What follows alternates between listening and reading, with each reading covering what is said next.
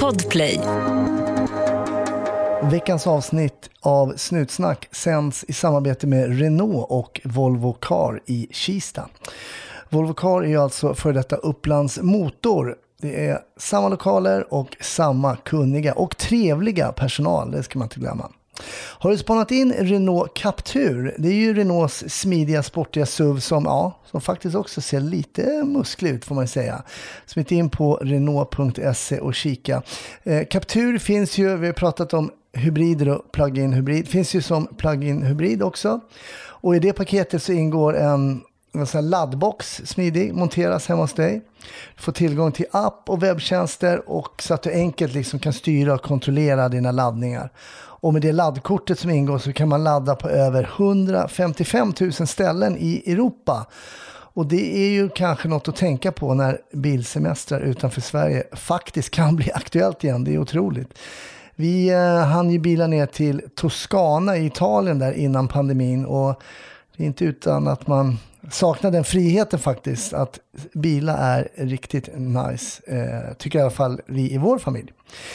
Renault Captur kan du privatlisa från 2390 kronor i månaden. Så smit förbi Volvo Car och provkör en Renault Captur vet jag. Dagens avsnitt. Eh, ja, alla har vi ju en unik bakgrund och dagens gäst Annika överraskade nog mig en aning med att ha en bakgrund som sticker ut en aning extra. Och hennes erfarenheter har gett henne, ja, kan man nog säga en en alldeles speciell inblick i en annars väldigt stängd värld. Det här får du höra lite mer om alldeles, alldeles snart. Snutsnack finns på Instagram, vi finns på Facebook. Eh, vill du ta del av bonusmaterial med mera så bli Patreon. Gå in på patreon.com snutsnack. Det uppskattas om du gillar podden och skulle vilja stötta den lite extra. Ja, nu ska vi dra igång avsnittet, men var försiktiga där ute. Ta din spruta om du får eh, tillfälle att göra det och ha en riktigt trevlig lyssning. 1310 1070 kom. 1310 Odengatan kom.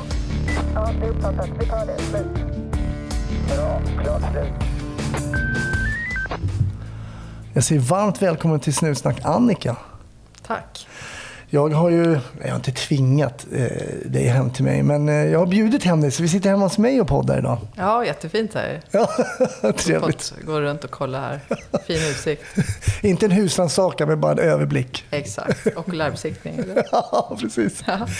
Vi har ju hunnit pratas vid lite grann här eh, innan vi satte på räck så att säga. Så jag vet ju att du gick på skolan i början av 2000-talet, något sånt där. Ja, 01 började jag. 01, ja. 03.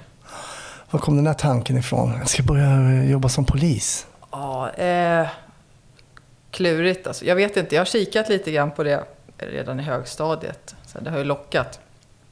En del eh, journalister har ju velat få det till att jag ville bli... Eh, att jag blev polis på grund av min pappa då, som var gängkriminell. Eh, som startade Brödraskapet en gång i tiden. Då. Han lever ju inte idag. Eh, men det är inte därför skulle jag säga. Utan att det är ju... Skulle jag valt ett yrke ut efter honom och känna att nu ska jag ställa till rätta och ordna upp saker och ting som jag har sett. Då skulle jag faktiskt jobba på kriminalvården, inte polisen. Men hur var det då? Vad, vad visste du om din pappas eh, kriminalitet då, som ung tjej? Liksom? Eh, när jag var 15, då eh, dömdes han för grovt rån av värdetransportrån som skedde vid Ringens köpcentrum. Eh, så att då, ja, det var väl då jag förstod. Eh, innan hade jag inte vetat hur vi kunde åka på dyra resor till Florida och jag, fick, jag blev ganska bortskämd när jag var och hälsade på hos honom. Jag bodde hos min mamma och uppvuxen med henne. Så att, eh, ja. Hur påverkade det dig då? När du kom på att det kanske inte bara var liksom hardworking hard work som gjorde att han fick pengar. Tänk, tänkte du på det någonting? Absolut, jättemycket. Men det var framförallt när jag blev 18 då. Eh, som jag lättare, då är det lättare att gå och besöka på fängelset sådär, när man är myndig.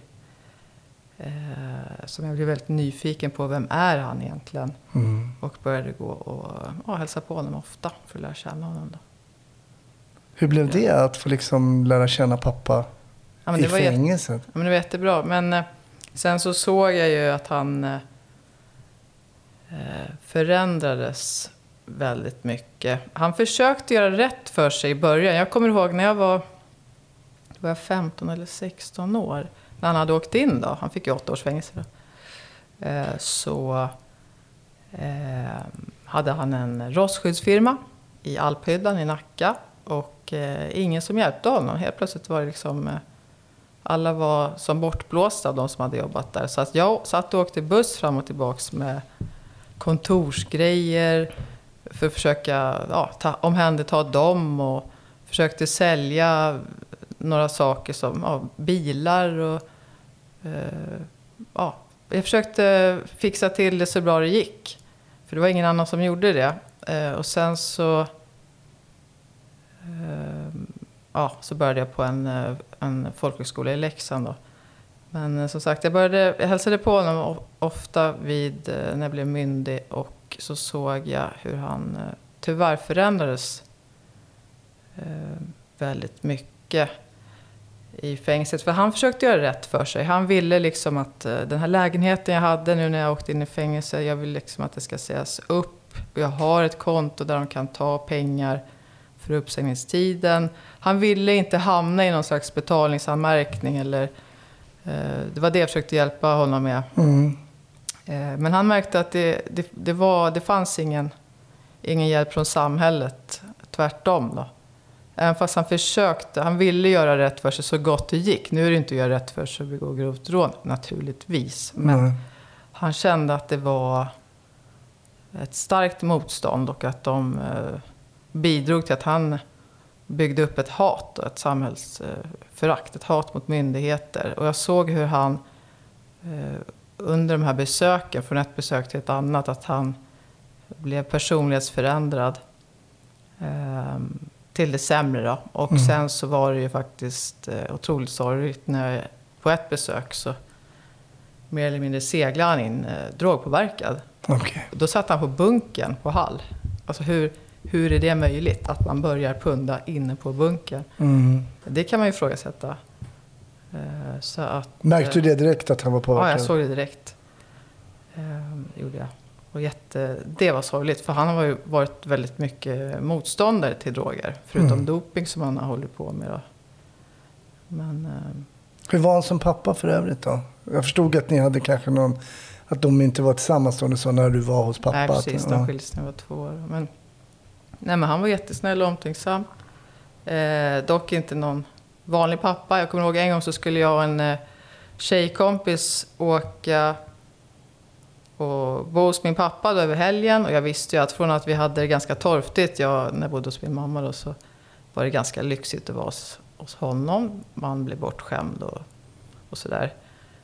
Eh, men då ringde han, då skulle han hämta oss. Då bodde jag utanför Södertälje. Han skulle hämta mig och min tjejkompis, men så ringde han och sa att jag är upptagen. Jag kommer skicka en taxi istället som får hämta er. Eh, Och så fick vi åka då till en eh, någon boxnings eller någon brottningsklubb i någon lo- källarlokal. För då skulle han döma av något slagsmål. Som var helt så här, mellan några, som var på riktigt. Alltså, det var inte någon tävling eller någonting. Nähä, då satt så- vi där och skulle kolla på. Då, då. Det var inte helt vanligt kanske.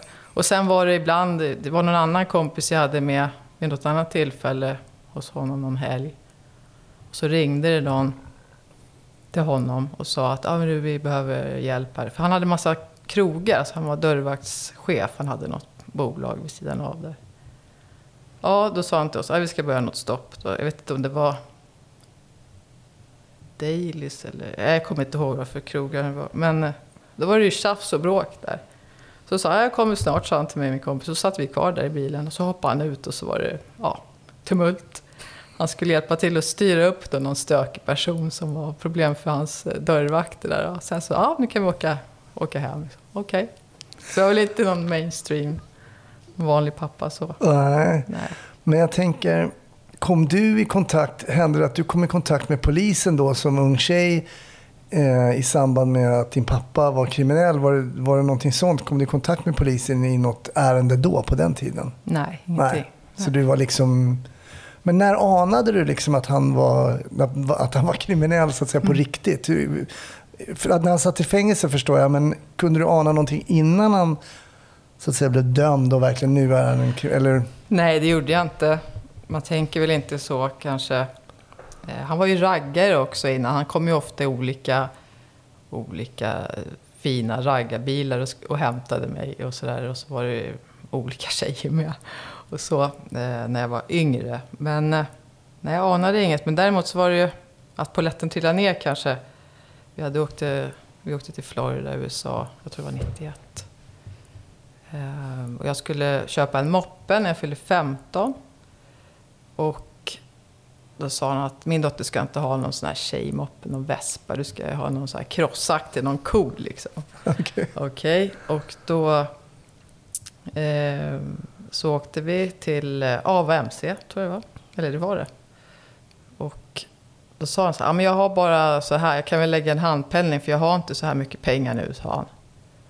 De bara okej, och så la han handpenning. Och sen så, han blev så ivrig så sa han, nej men jag betalar hela. Eh, Jag kommer inte ihåg om han sa det då eller någon dag efter. Så jag tänkte, men du hade ju inte pengar. Han hade ju pengar, han kunde bara inte visa upp det. Liksom. Ah, Sådär. Det är väl saker jag reflekterat över sen då.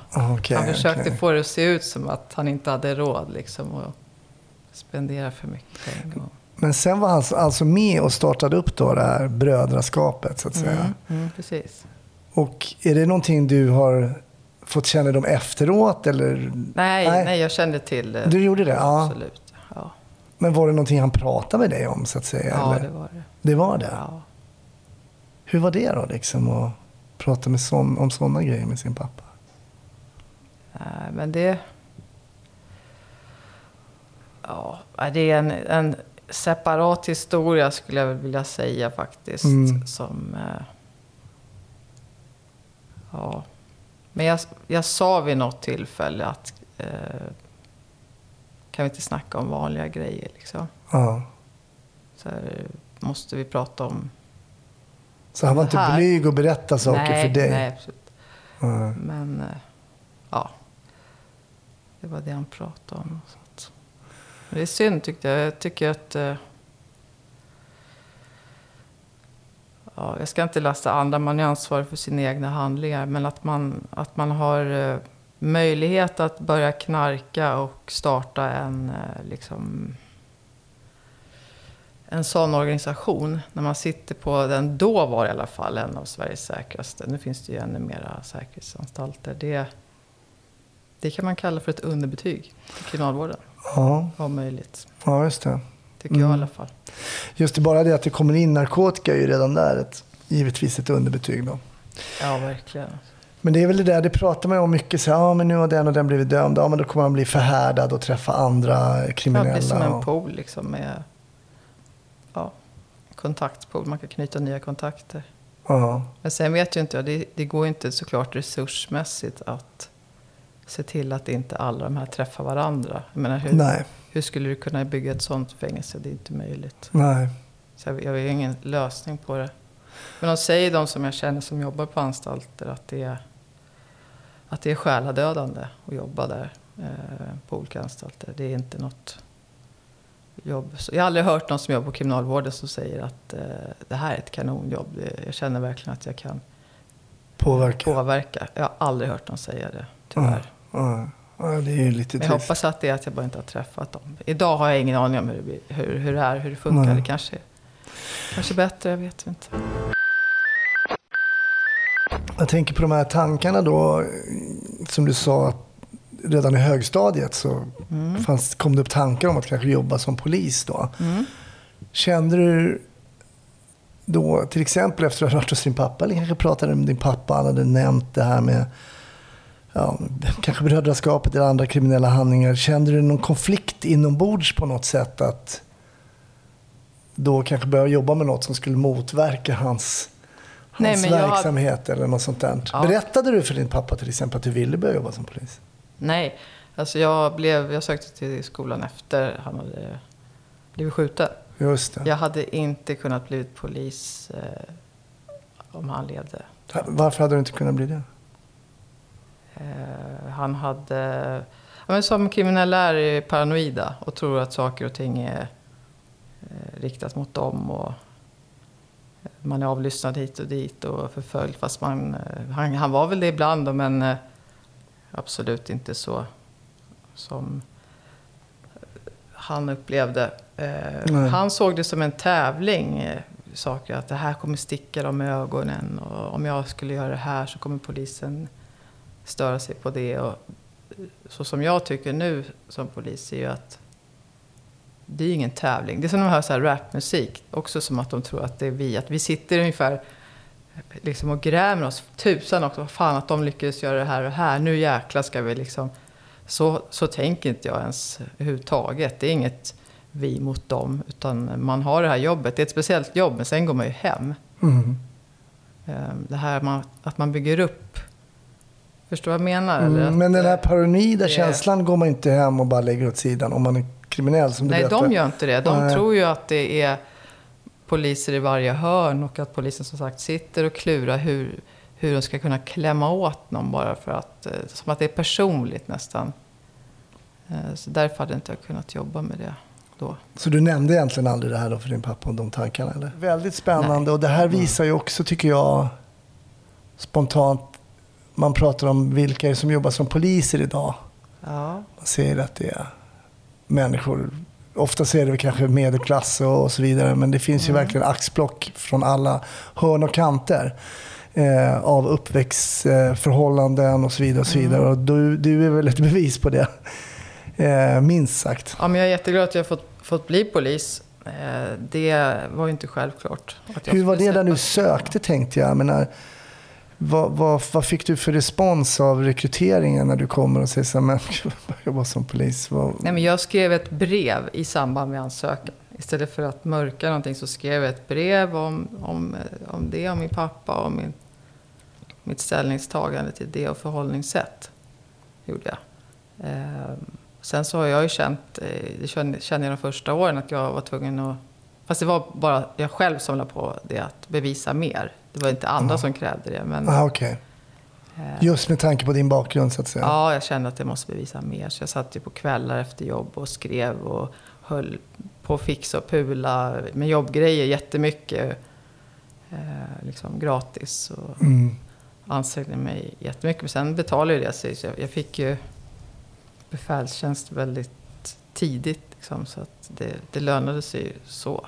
Mm. Också, men, Oerhört eh, um, udda historik. Ja, men sen just, jag ser säga en reflektion också. Du pratar om att eh, det finns olika bakgrunder hos poliser. Det är att någonting vi har pratat om eh, i veckan nu på jobbet. Eh, det är ju att säkerhetsklassningen nu. Alltså det, vi har ju problem att vi inte fyller utbildningsplatserna. Det är ett stort problem. Men att det är ganska hårt den här eh, prövningen. Mm. Eh, Och att om vi vill ha folk som blir poliser som har eh, vuxit upp i till exempel, vi säger Gottsund eller Angered eller Rosengård, sådana områden. Vilket jag tror skulle vara väldigt bra. Mm. För att de har en förståelse för eh, hur folk har det och kan använda det i yrket. Mm. Det blir ju svårt om de känner ju jättemånga kriminella. Det är ju inget konstigt. Nej. Du är uppvuxen med dem. Men där tror jag att vi har en fyrkantighet idag. Alltså att eh, det ska vara så rent. Mm. Du kan inte ha kriminellas telefonnummer i mobiltelefonen och sådär. eh.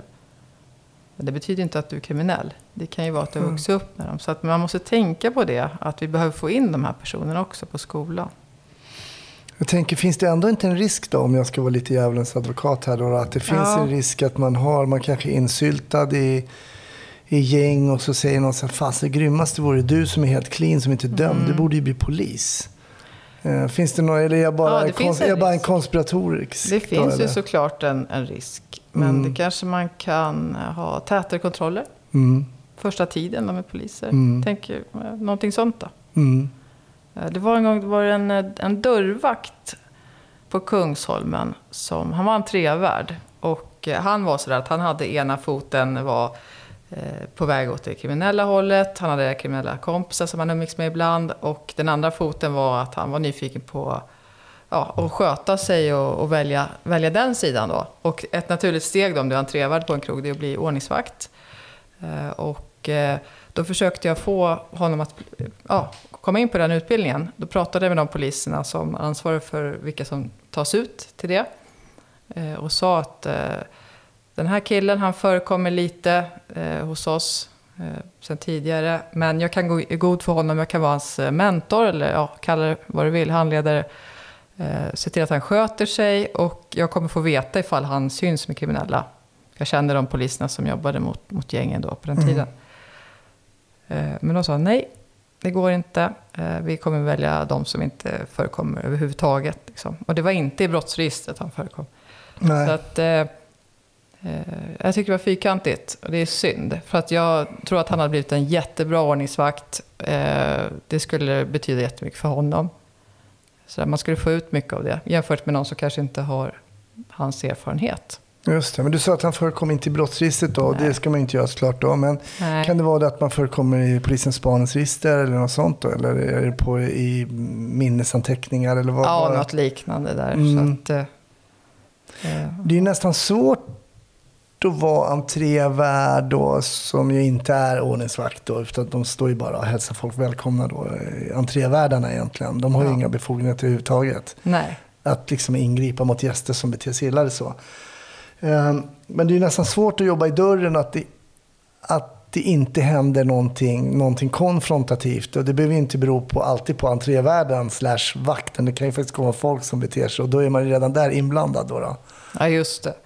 Ja, precis. Eh, men så var det väl inte i hans fall. Eh, det var väl att han förekom med de som han har umgåtts med sådär privat. Ja, du menar så privat? Så, ja. inte att han har varit med om grejer Nej. i krog, i dörren. Jag fattar. Jag fattar. Mm. det Men det här med att man måste vara helt blank då. Ja. Alltså ingenting, man får inte ha kompisar som... Är det, är det eftersträvansvärt då, menar Nej, du? jag tycker inte det. Jag, jag har gärna... Jag tycker vi ska få in kollegor också på polisen och som ordningsvakter som har varit med om saker tidigare som man kan vända till fördel. Ehm, det tycker jag i alla fall. Och sen så kan man ju kanske ordna det genom att man har lite tätare kontroller eller sådär. Se att det mm. funkar bra, att de sköter sig. Tycker du att du har haft någon fördel av att din pappa då faktiskt umgicks i den kriminella miljön, startade en kriminell organisation, satt på Hall. Alltså, kan, kan det ha varit någonting så att, positivt för dig i det yrket du sen kom att, att uh, vara verksam i? Absolut. Uh, jag vet ju att det finns fler sidor. Att man säger att varje mynt har minst två sidor, brukar jag säga. Det finns en människa bakom, det finns familj bakom, uh, vänner. och det värsta som jag visste i alla fall då, nu tar det, biter det inte lika hårt på mig, men det är när någon säger så här, ja det är självsanering när någon eh, gängkriminell har blivit eh, mördad. Då. Jag tar illa vid mig. Inte lika mycket nu sagt som jag gjorde tidigare, men eh, eh jag var med och startade avhopparverksamheten. Det var 2012. Det var ju Karin Götblad som bestämde att vi skulle starta en sådan. Då. Det var på Länskrim. Då var jag en kollega som startade upp den. Det låg under personsäkerhetsverksamheten. Mm. Och då hade jag ju stor nytta av det. Att jag vet hur ja, jag vet mer än de flesta när det gäller gängkriminella och, och bakomliggande faktorer och sådär. Ehm, och det var jätteintressant verksamhet. Då hade vi ett antal avhoppare. Vi jobbade med dem som hade ofta strategiska positioner i gängen. Då, där polisen får ut en fördel i form av att eh, en kriminell organisation försvagas, så man får bort just de individerna. Vi hade särskilt en eh, avhoppare som vi la ner väldigt mycket tid och energi på, jag och min kollega. Vi frågar ju då så här, vilka personer är viktiga för dig i ditt liv? Frågar vi honom då. Då sa han ju då, vilket var ganska vanligt, var att ja, men mitt ex eh, vill jag få en bra kontakt med igen. Eh, för att eh, då kanske jag får träffa mitt barn igen. Ofta hade de här som ville hoppa av, de hade ju eh, små barn. Så de hade dålig, eller ingen kontakt med alls då. Mm. Så vi hade de här avhopparna på skyddade boenden. Och eh, det var bara oss som hade kontakt med. Vi sa att nu är det mig och min kollega som du har kontakt med. Du har inte kontakt med någon annan. Ingen i gänget står Nej, absolut inte. Um, och de hade ofta väldigt hög hotbild på sig också. Mm. Så att, eh, det var ju sådana aspekter också. Eh, och så vi körde dem eh, fram och tillbaks till var det ADHD-mottagningar. För att de skulle få en diagnos istället för att självmedicinera. Det var...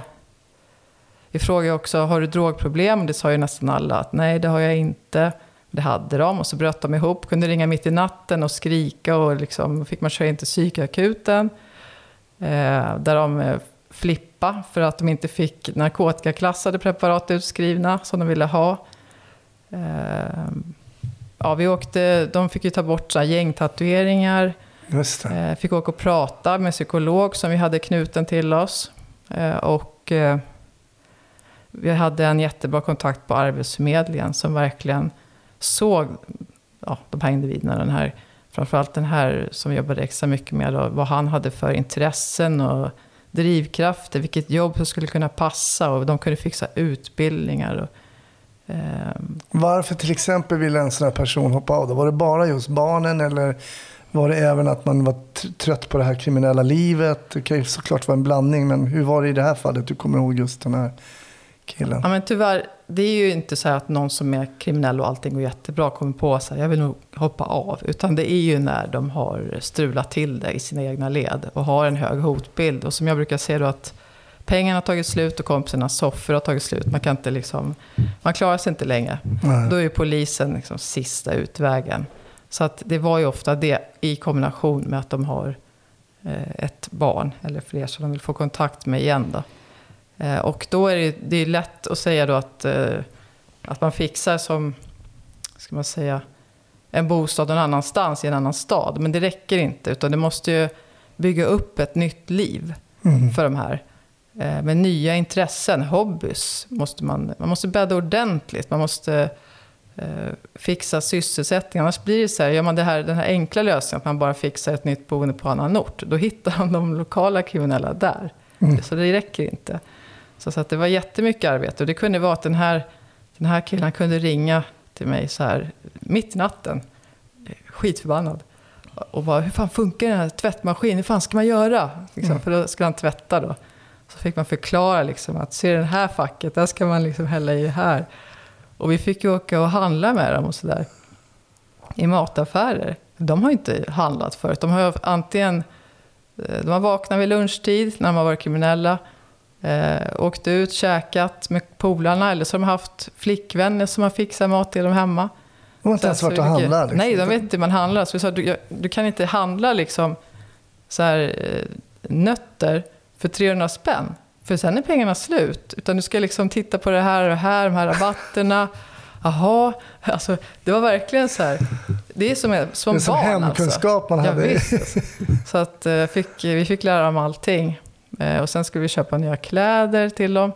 Så du kan inte ha såna här jackor för då, du signalerar liksom, det utstrålar kriminalitet. Eh, välj, kolla på de här kläderna istället. Bara, Nej, vad är det för svennekläder? Liksom. För de har ju en, så här, en stil. Liksom, så att, Mm. Eh, eh, ja, men vi... Jag jobbar med flera av de Det här här exemplet då, hur gick det för det här exemplet? Alltså den här killen som du tänker på just nu. Ja, det gick inte jättebra. Nej. Eh, Han återföll i kriminalitet precis innan. Det var så ungefär en vecka innan flyttlasset skulle gå till en helt ny stad. Eh, med sysselsättning, allting var liksom fixat. Vi hade fixat eh, rubbet.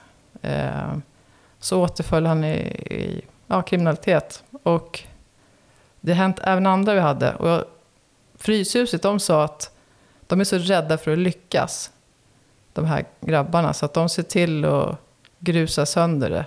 När det liksom, de är nära mål, då ja, förstör de för sig. Det var en teori de hade då, en på, på Passus, Fryshuset. Kanske stämmer, jag vet inte. Men hur Men- känns det då? Med, du berättade här om ringer och var lärt att handla och de ringer och Ja. frågar hur man ska tvätta kläder. När allting liksom går upp i rök, allt det här jobbet man lägger Ja, ner. Och, Exakt, det var... Och den här killen, han hamnade ju i problem.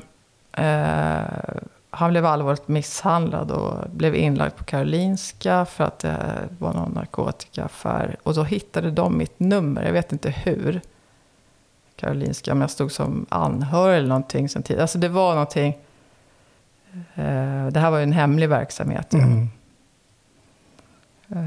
På något sätt så, de ringde och sa ditt nummer står här. Och så fick vi åka dit. Och han var, ja, det såg inte bra ut alls. Men vi fick ju liksom avskilja honom från den här avhopparverksamheten. Och jag och min kollega, vi blev så knäckta så vi fick ju ha ja, avlastningssamtal. För det blir ju som, alltså man har så mycket kontakt och investerar så mycket av sin eh, tid och energi på att det ska lyckas. Och så gör det inte det, så det blir ju som ett eh, verkligt nederlag. Alltså. Det blir nästan som ett personligt misslyckande. Ja, då, eller? faktiskt. Det blir ju det. Så, eh, ja. Var, eh, var befann du dig i livet när din pappa blev skjuten? Var befann jag mig i livet? Eh, ja, men då hade jag jobbat på eh, On-Off. Jag vet inte om du kommer ihåg den här radio-tv-kedjan. Som, eh, som säljare där. Eh, ja, Hur fick du reda på att din pappa hade blivit mördad? Nej, de ringde från eh, länskrim och frågade om jag kunde komma ut. Jag tror att det var fyra på natten. Jag för mig att det var. Och så kom ut ur din lägenhet så att säga? Eller? Ja, de stod, satt eh, i bilen utanför. Mm. Hur var det då? Hur levererar de den informationen till dig? Nej, de berättar vad som har hänt. Kort och gott. Hade du liksom någon känsla eller någon aning om att det skulle kunna sluta så för din pappa? Ja, men det hade jag väl. Ehm. han blev ju ganska, jag ska inte säga grandios, men att när man sitter inne i ett fängelse och tar stor plats och eh, har en hög position och, och så. Och sen så kommer ut och kör samma offensiva stil så kan man ju ja, stöta sig med folk. Mm. Så, där, så jag tror att det blev lite osmidigt. Jag vet att du har gjort massa grejer på, ja, alltså tid är relativt begrepp, men du, är, du var färdig 03 och du har varit på ganska många spännande enheter. Jag tror inte vi hinner gå igenom alla, men jag Nej. tänkte ändå fråga dig om ett minne som polis, när du är färdig polis, som sitter kvar starkt hos dig. Vad, vad, vad tänker du på om jag ställer den frågan till dig? Färdig polis. Ja, du behöver inte vara färdig, men du har varit Nej. ute och jobbat som polis. Du kan ju vara aspirant eller du yrket polis, så att säga. Det Ja, något minne man- från... Eh, ett starkt minne som jag har är ju eh, när jag fick eh, ingå i en stab. För vi hade information om att ett allvarligt brott skulle äga rum. Eh, och det här var en hemlig stab. Så eh, då fick jag, bland annat så fick jag ringa till eh, funktioner i samhället som vi måste samverka med ibland. Eh, funktioner som har haft eh, många övningar med polisen inför sådana här lägen. Eh, jag kommer ihåg, jag ringde till dem och sa kan du infinna dig på polishuset kvarteret Kronoberg om, jag kommer inte ihåg, om det var 40 minuter eller en timme. Och då, det var så allvarligt så att, och de, ingen ifrågasatte. Ingen var så här, nej men jag kan inte för jag ska göra det här och vad gäller det? Utan de sa, ja, ja. De förstod att nu, nu är det på riktigt, det här som vi har övat för. Eh, övat på så mycket. Så gick jag och mötte upp dem. Och det var helt tyst. Det var så här eh, gravallvarlig stämning. Ingen stod och chitchattade med någon annan av. Det var ju som olika funktioner som, vi, som jag hade ringt till. Då. Och det kändes så surrealistiskt, det var så overkligt. Och så gick de bakom mig, vi gick som i ett tåg till ett utrymme då. Ett rum där eh, kommenderingschefen fick eh, berätta vissa saker då. Som vi trodde kanske skulle hända. Eh, och sen så var det ett intensivt arbete som pågick i ett par dagar. Sen så, vi hade koll på några personer då som var utpekade gärningsmän i det här. I ett brott som man misstänkte skulle begås, är det så? ja, eller? som skulle begås. Då. Ehm, och det stämde liksom inte, för de här personerna gjorde ingenting som eh, verkade eh, ja, vara någonting särskilt. Så vi tänkte, vad är det här? Så Stämmer- informationen som hade inkommit verkade Ja. inte stämma då? Nej? Nej. men det var så pass liksom, stor dignitet på informationen så man kan inte bara avfärda det för att Nej. det skulle resultera i ja, allvarliga följder. Då. Eh, och då, då ringde polischeferna, skulle ringa och ha avstämning då med länspolismästaren.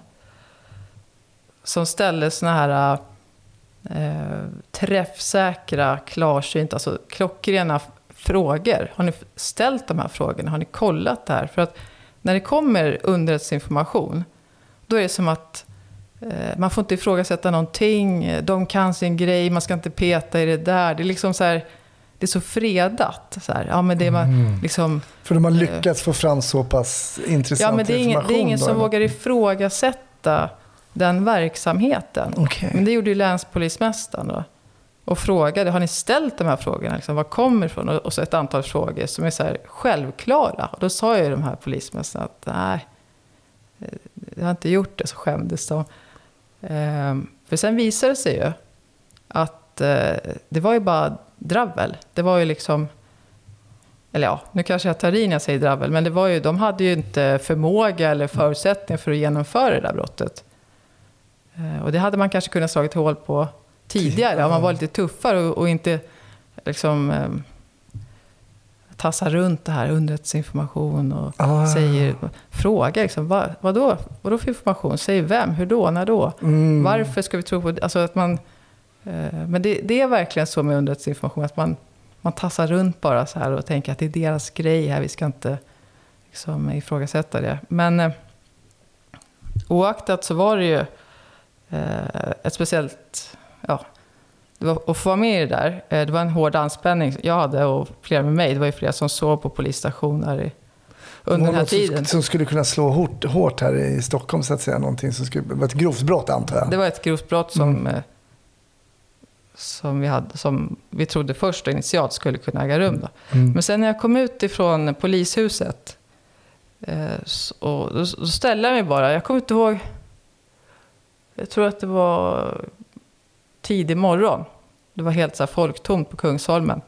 Då stannade jag, så stod jag, så tittade jag upp på fönstren, eh, på lägenhetsfönster där. Och så tänkte jag så här, fan, ni, ni som ligger och sover där, fan, ni, ni har ingen aning alltså. Ni vet ingenting. Och så bara kom tårarna. Så bara rann de. För då var det så här, du vet ju den här knappen vi poliser har. Man trycker in knappen och så bara kör man. Man är fokuserad och jobbar. Och sen när det är läge, då kan man trycka ut knappen. Just Det var det jag gjorde där. Så då stod jag där och eh, Du grät för dig själv helt grät enkelt. för mig själv. Ja. Hur var den känslan att stå själv i Stockholm liksom, och titta upp på lägenheterna och Ja. ha någon form av e- egen information och bara Ja. gråta ut? Hur var det då? Nej, men det är ju ett starkt ögonblick såklart. Så, så, att, eh, så jag vet ju nu, nu när jag jobbar i vanlig uniformerad verksamhet lokalt, så vet jag ju mycket väl att det kan ju pågå saker som inte jag har en aning om här och nu. Mm. Eh, och det är ganska skönt att inte veta. Jag tänkte säga det, ibland är det ganska skönt att inte Ja, veta. det är det. Jag kommer ihåg, jag brukar ju säga det, jag jobbade ju på Säpo i fyra år och då, ja, hur var det och hur var det? Ja, Mm. det är alltid överreklamerat med Säpo. Men, men en sak som jag tyckte var, som jag kan säga, det är att jag kan sitta, jag satt i soffan vid ett tillfälle när Jan Guillou satt i något program där det hänt något på Säpo. Han berättade hur det hade gått till. Och jag visste att nej, herr. Guillou, du har ingen Nej. aning. Nej. Men det hade jag. Eh, så det kan vara ganska skönt ibland att kunna knäppa, även om jag inte kunde berätta vad det var och sådär, vad Jan Guillou hade fel i, och så, så visste jag. Och, men jag tycker det är så intressant det här du berättar om underrättelseinformation och sådär. Och Bara när man är på gatan, så att säga, jag som jobbade mycket på gatan och Ja. civilt med narkotika, när folk kom och skulle lämna tips, att man blev ju bättre som polis. Okej, men hur vet du det? Har du Ja. sett det Ja. själv? Det är ju värt så så mycket. Har du Ja. hört någon annan säga det? Inte alls så mycket värt. nej, Så det är de här frågorna som är viktiga att ställa såklart. ja. Kanske som du säger att de som jobbar med underrättelseinfo, att man tassar lite kring dem då. Att, Eller hur? ja, det kan ju vara så. Sen vet jag inte om det var vid det här tillfället att de själva visste, shit, vad har vi dragit igång för något? Och så våg- vågar de kanske inte backa och säger så här, hallå, stopp. Det är inte så trovärdigt kanske. Eller Så när man kallar in inte. andra instanser som du säger och Mm. ringer dem kan säga kan ni vara på polishuset om 40 minuter. Då förstår man ändå att det liksom är av någon form av dignitet. Mm.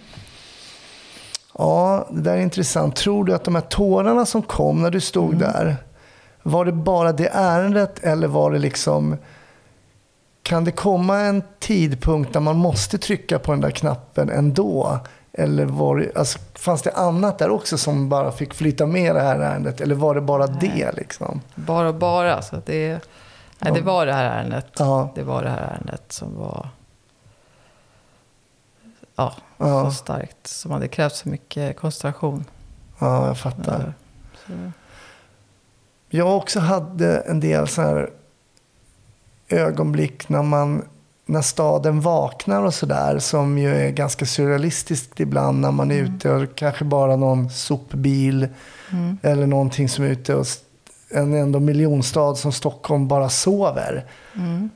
Det finns ju en tidpunkt när nästan alla sover när det liksom inte ens bagarna är vakna på säga, men Ja.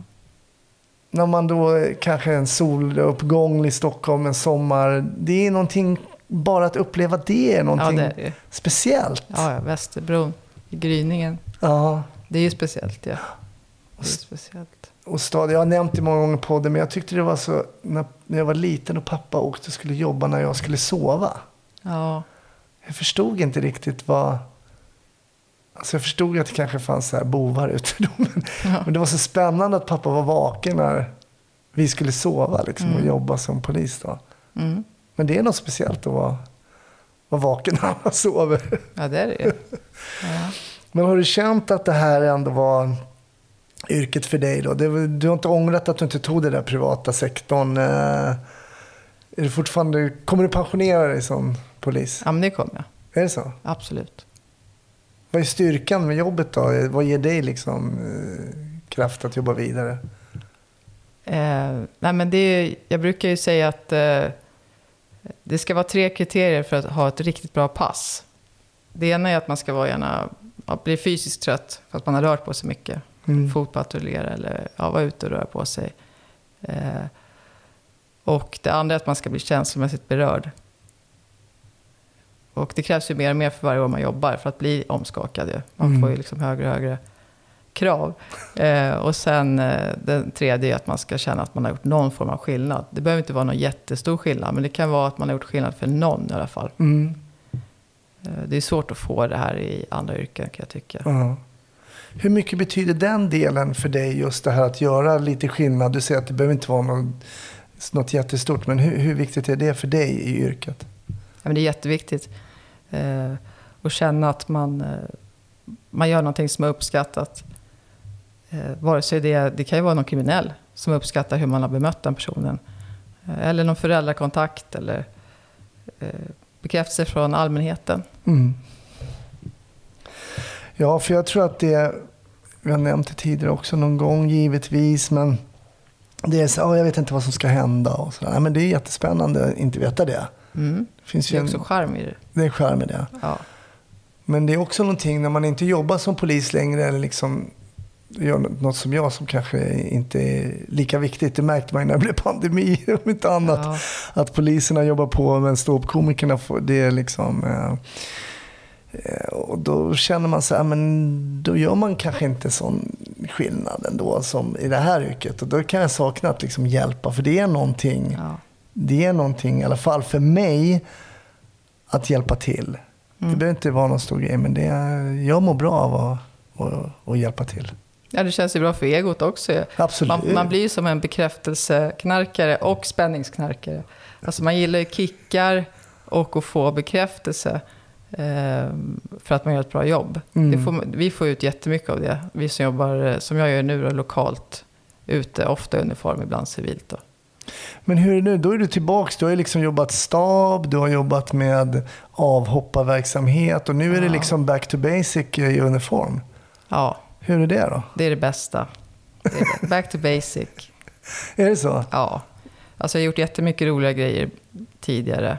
Eh, men eh, det här är ju det som är det bästa. Det som jag inte har provat på, som jag är nyfiken på, det är ju dock någon gång skulle jag vilja jobba i ett särskilt utsatt område. Mm. Nu har jag varit nere och kört rimfrost lite grann i Malmö. Jag har varit och hjälpt till lite grann i Rinkeby. Men det är för lite. Så att den har jag kvar att göra. Mm. Någon gång måste jag. Och där tror jag att man kommer utmanas. Mm. Eh, tålamodsmässigt och frustration och sådär kan jag tänka mig. Mm. Så jag har stor respekt för de poliserna som jobbar heltid i sådana där områden. Mm, absolut. Det har florerat. Nu är det alltså den... eh, Det är den, ja, jag har inga glasögon på men ska vi säga att det är den 26 eller 23 eller något sånt. Jag, kan inte, jag ser inte vad det är för datum. Ser du? 28 Ja, 28. Ja, Ja. det ser jag. Shit, åldern tar tid rätt. Men det har florerat något klipp på sociala medier, någon som står och skriker på en uniformerad polis. Ja, Ganska... flera klipp. Ja, det finns ju mycket sådana klipp. Att man Ja, orkar liksom ta det.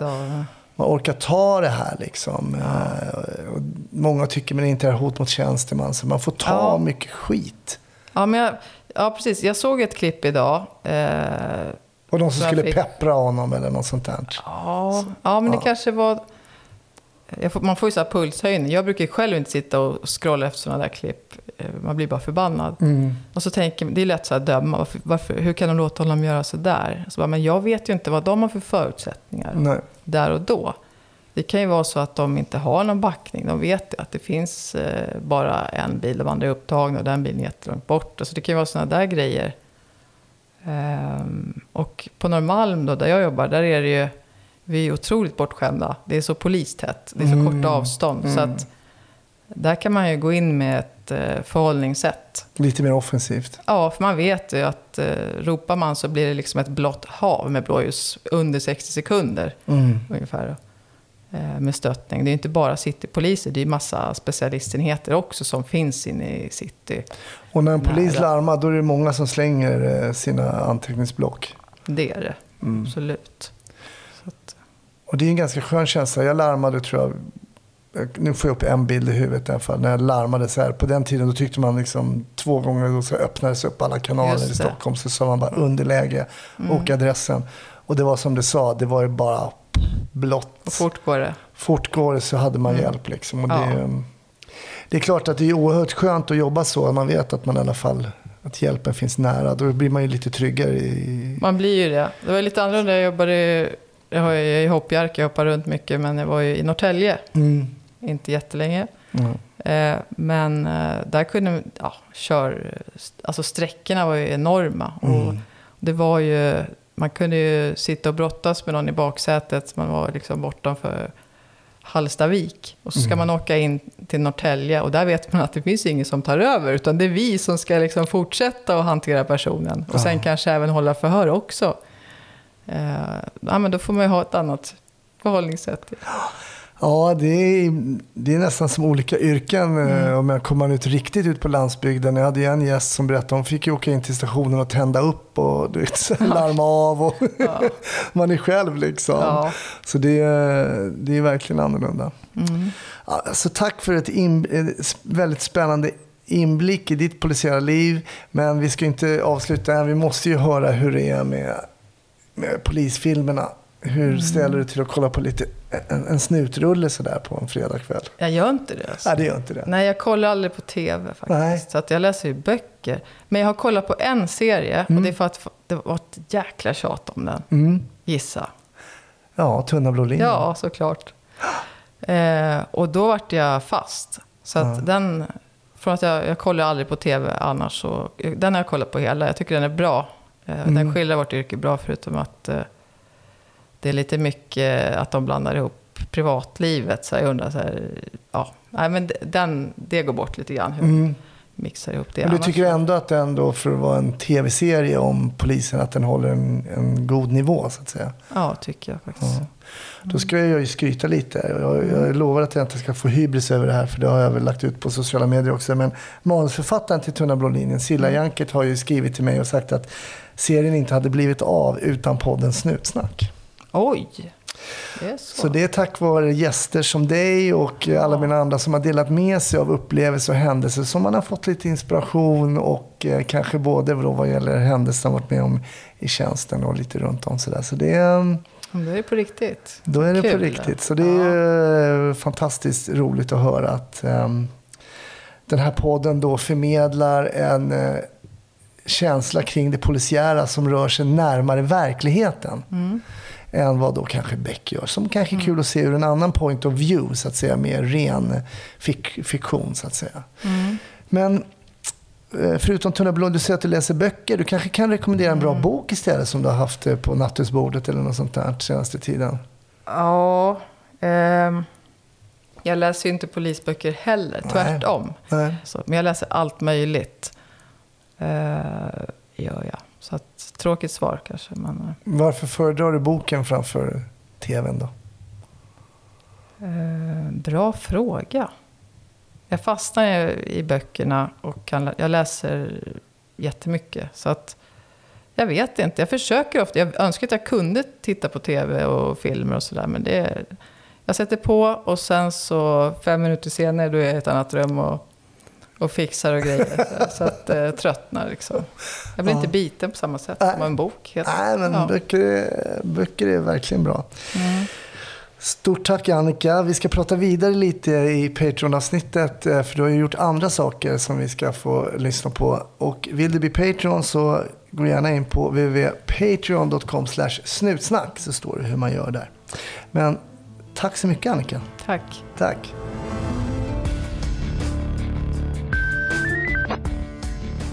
Snutsnack är slut för den här veckan, men eh, ja, det är ju som vanligt. Det kommer faktiskt ett nytt avsnitt redan nästa tisdag.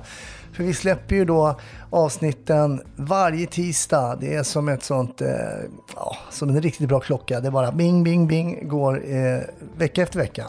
Stort tack för att du har lyssnat. Bli gärna Patreon om du vill stötta podden lite extra. Patreon.com snutsnack. Ha nu det riktigt bra så hoppas jag att vi hörs. Hej!